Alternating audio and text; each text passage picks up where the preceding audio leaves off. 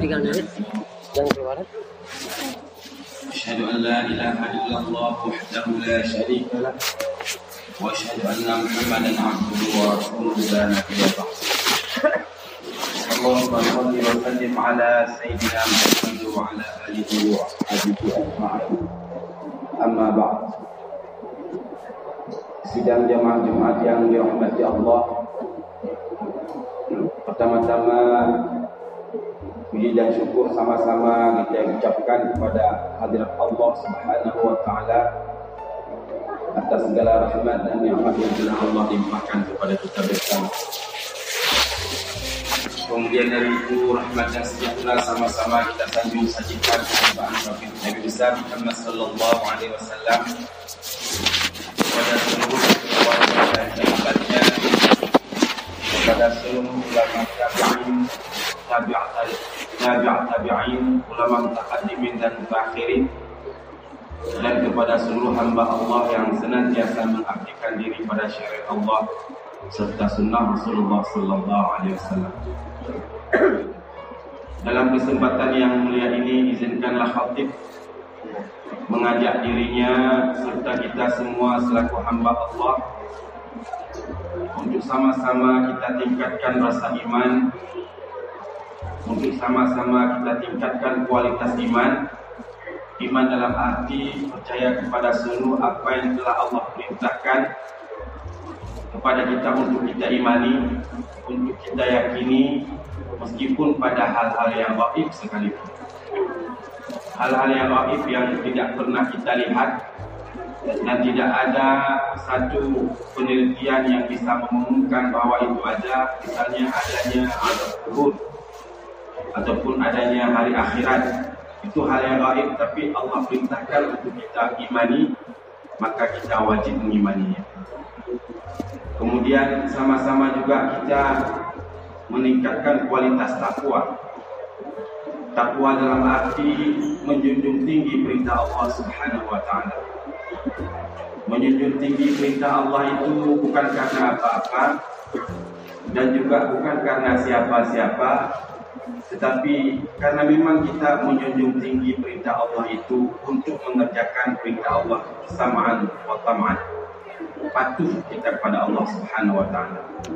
Adanya kita hari ini di masjid ini bukan karena tetangga kita, bukan karena sanak saudara kita, bukan karena mertua kita, bukan karena anak-anak kita, tetapi hadir di sini karena kita menjunjung tinggi perintah Allah Subhanahu wa taala. Maka wajar dan pantaslah ketika iman kita bertambah takwa kita bertambah satu saat Allah memanggil kita dengan kalimat ya ayyuhal mu'minun ya ayyuhal muttaqun. Wahai orang-orang yang beriman wahai orang-orang yang bertakwa. Karena kita memang tiap hari Jumat seminggu sekali berkumpul di masjid yang mulia ini untuk mendengar wejangan nasihat daripada guru-guru kita supaya iman kita tiap hari bertambah, takwa kita makin hari makin bertambah. Sidang jemaah dirahmati Allah. Oleh Allah Subhanahu wa taala di dalam surat An-Nisa beliau mengatakan A'udzu billahi minasyaitonir rajim. Bismillahirrahmanirrahim. Yakhshal ladzina law taraku min khalfihim dzurriyyatan dhi'afa falyattaqillah wal yaqulu qawlan sadida oleh kita semua diperintahkan oleh Allah Subhanahu wa taala untuk wanti-wanti was-was. Wal yakhshal ladzina law taraku. Hendaknya hamba Allah itu dia itu punya rasa was-was dia punya rasa prihatin Lau taraku min khalfihim zurriyatan dhi'afa. Seandainya mereka meninggal meninggalkan generasi-generasi yang lemah. Seandainya mereka meninggalkan generasinya dalam keadaan lemah. Jadi oleh Allah memerintahkan kepada kita untuk wanti-wanti hal demikian. Jangan sampai ketika kita meninggalkan dunia ini meninggalkan generasi yang keadaan lemah. Walittaqullah hendaknya kita takwa kepada Allah wal yaqulu qawlan sadida dan selalu mengatakan kata-kata yang baik, yang benar, yang lurus dan yang bijaksana. Oleh Imam Tabari ketika menafsirkan ataupun ketika mengutipkan beberapa pendapat para ilmu hadis, beliau merincikan beberapa hal di situ. Satu pendapat yang mengatakan bahwa ketika kita sudah mulai mau diambil oleh Allah Subhanahu wa taala, itu disuruh perintahkan agar anak sanak keluarga kita itu berkumpul semua. Kemudian oleh kita itu harus menyampaikan kepada mereka yang menyangkut apa saja keimanan, pendidikan, keturunan yang baik, sampai pada harta sekalipun disuruh untuk suruh jaga. Sehingga sebagian ulama ketika mengatakan pada harta-harta itu agar pun diatur dengan baik. Jangan sampai memiliki harta itu bukan si pemiliknya. Kemudian ada juga yang mengatakan bahwa kita ketika mau menghadiri kematian itu hendaknya kita itu dari sekarang mempersiapkan. Mempersiapkan diri kita mempersiapkan anak-anak kita mempersiapkan masyarakat kita sekalipun. Sehingga ketika kita sudah meninggalkan dunia ini generasi yang kita tinggalkan itu mereka sudah siap berhadapan dengan perkembangan masanya sudah siap berhadapan dengan perkembangan zaman yang dia lalui maka oleh sebab itu dalam kitab Tabari pun dikutip satu hadis yang diriwayatkan oleh Imam Dailami. Tapi hadis ini marfu' ila Rasulullah sallallahu alaihi wasallam. Alimu auladakum as-sibahah war limayah war rukubul khair. Sebagian ulama mengatakan ini bukan ucapan Rasul. Ini ucapan sahabatnya Umar bin Khattab. Yang ucapan Rasul itu adalah Al-mu'minul qawi khairun wa habbu ilallah minal mu'minid dha'if. Seorang mukmin yang kuat itu lebih bagus dan lebih dicintai oleh Allah Subhanahu wa taala daripada orang mukmin yang dhaif. Jadi berangkat daripada firman Allah tersebut, kemudian kita teliti daripada hadis yang diriwayatkan oleh Imam Dailami dari tafsir Imam Tabari mengatakan bahwa berarti persiapan kita untuk generasi kita itu bukan sekedar persiapan meninggalkan harta untuk mereka untuk bisa hidup. Tetapi juga kita harus mempersiapkan keahlian mereka. Alimu auladakum asibah ajarlah mereka anak-anak kita bagaimana cara berenang. Warlimayah bagaimana mereka itu pandai menembak panah. Kemudian juga warukubul khair. Ajari mereka cara menunggang kuda yang benar. Ini mungkin sekarang nggak ada lagi. Nggak ada lagi kecuali apa istilahnya berenang. Menunggang kuda mungkin kita sekarang sedang nggak ada lagi. Jarang. Kemudian melempar panah juga sudah jarang. Itu cuma diajar dalam sekolah saja. Ataupun kita lihat. Tetapi sesungguhnya maknanya itu apa?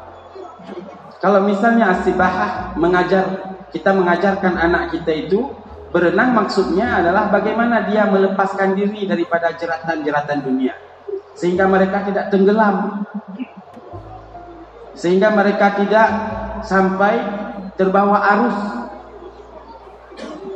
memberi mereka bekal pengetahuan sehingga mereka terjauhi daripada hal yang membuat mereka itu tidak baik. Kemudian ar-rimayah melempar panah.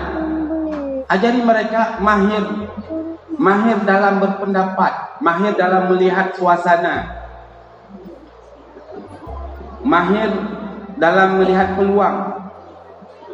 Sehingga ketika dia memilih satu sikap, dia itu tidak salah dalam memilih. Ini caranya ya ajaklah sering diskusi dengan anak-anak kita. Ajaklah mereka kita ke masjid, ajaklah anak kita ke masjid. Ketika kita makan di rumah, ajaklah dia makan bersama-sama. Tujuannya apa? Tujuannya mereka selalu dalam keadaan kita bimbing. Efeknya secara menyeluruh pada kejiwaan ya dia itu selalu didampingi. Sehingga betul-betul siap di dalam menentukan sikapnya. Kita lihat anak-anak kita,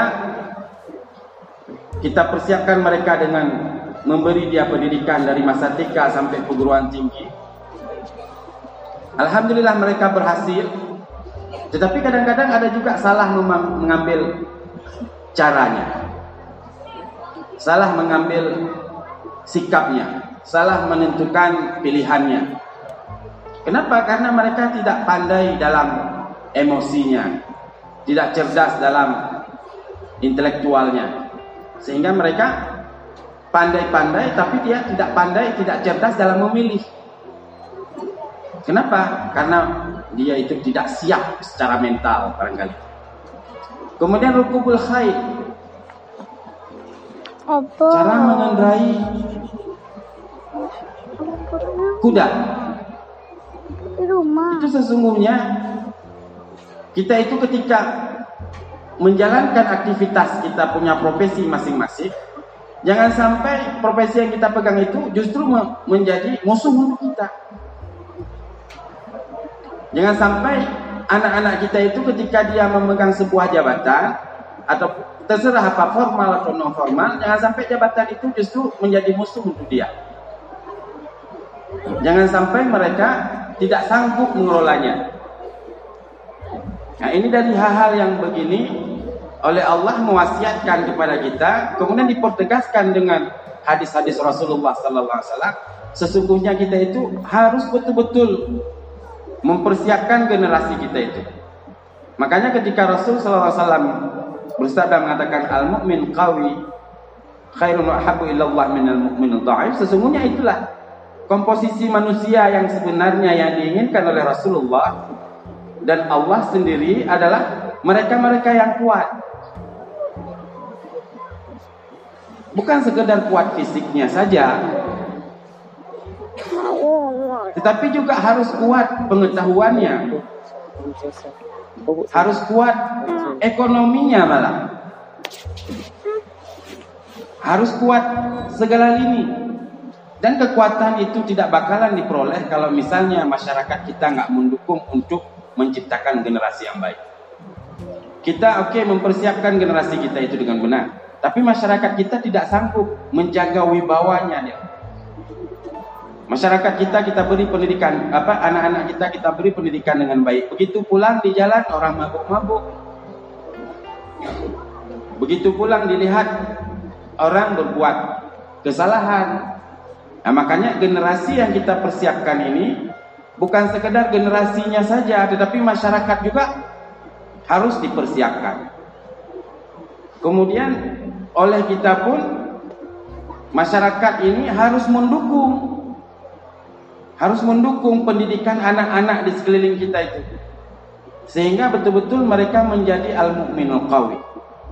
Betul-betul mereka menjadi hamba Allah yang mukmin yang betul-betul siap mewarisi dunia ini setelah kita tidak ada.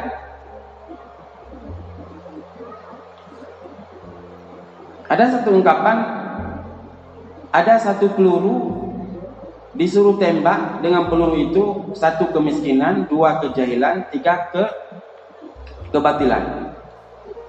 Satu peluru dikasih sama kita disuruh tembak salah satu ini. Mana mana duluan yang kita harus yang harus kita berantas. Kalau disuruh pilih sama kita, ini ada satu peluru punya kekuatan sama kamu satu peluru, disuruh pilih nembak mana? Satu kemiskinan, satu kebodohan, satu kezaliman. Mana duluan yang kamu pilih untuk hilangkan itu? Semua orang bilang yang perlu dihilangkan dulu adalah kebodohan. Setelah kebodohan itu dihapus, semuanya akan bisa diperbaiki. Makanya kebodohan itu baru bisa diperbaiki ketika kita mempersiapkan lembaga pendidikan untuk anak kita dan masyarakat kita pun harus mendukung. Jangan sampai anak-anak setelah kita didik pulang dari tempat pendidikan malah berhadapan dengan masyarakat yang menghancurkan masa depannya. Kenapa? Karena sesungguhnya komposisi manusia yang bagus itu di sisi Allah adalah mereka-mereka yang kuat mentalnya, yang kuat fisiknya, yang kuat imannya, yang kuat ekonominya dan sebagainya seperti itu. Ya sidang jamaah Jumat yang dirahmati Allah, kita berharap tiap hari semoga generasi yang akan kita tinggalkan ini betul-betul siap berhadapan dengan zamannya, akan siap berhadapan dengan problematika masanya, sehingga mereka tidak terjerumus dengan perkembangan zaman yang betul-betul justru mengarus menarik mereka ke arah yang tidak baik. Dan otomatis kita betul-betul harus mempersiapkan masyarakat kita supaya mereka betul-betul mau bekerja sama dengan kita untuk mempersiapkan generasi ini. Kita sayang sedih ketika melihat saudara kita satu ketika Syekh Azhar baru-baru ini buat sebuah muktamar internasional di Al Azhar University tentang judul muktamar itu tentang masalah tajdidul fikril islami jadi tentang masalah bagaimana cara pembaharuan pola pikir Islam yang baru. Mereka orientalis itu menyerang turos. Bagaimana ini Al-Quran ayat-ayatnya tidak relevan lagi dengan masa sekarang. Hadis ini sudah tidak relevan lagi dengan persoalan ini. Orientalis itu tujuannya untuk merusak sendi-sendi keislaman. Tetapi Al-Azhar dengan sendirinya mengatakan sesungguhnya yang kalian buat sekarang itu untuk menciptakan pembaharuan dalam Islam, jangan pada sektor itu. Sekarang yang harus kita perbaiki dalam Islam itu adalah membuat senjata. Jangan sampai kita ada uang banyak membeli senjata, kemudian dengan senjata itu kita tembak diri sendiri. Artinya uang kita membunuh diri kita sendiri. Lihatlah sekarang apa terjadi di Timur Tengah. Orang Timur Tengah kaya raya. Dengan kekayaannya mereka beli senjata.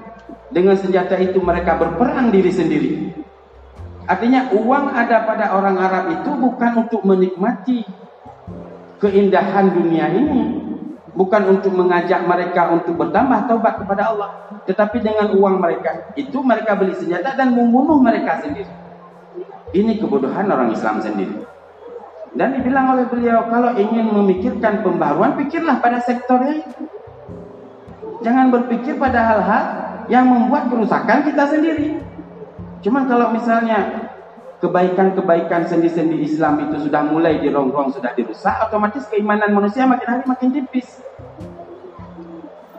Makanya yang diserang oleh orientalis itu adalah turasul islami, peninggalan-peninggalan ulama kita dahulu.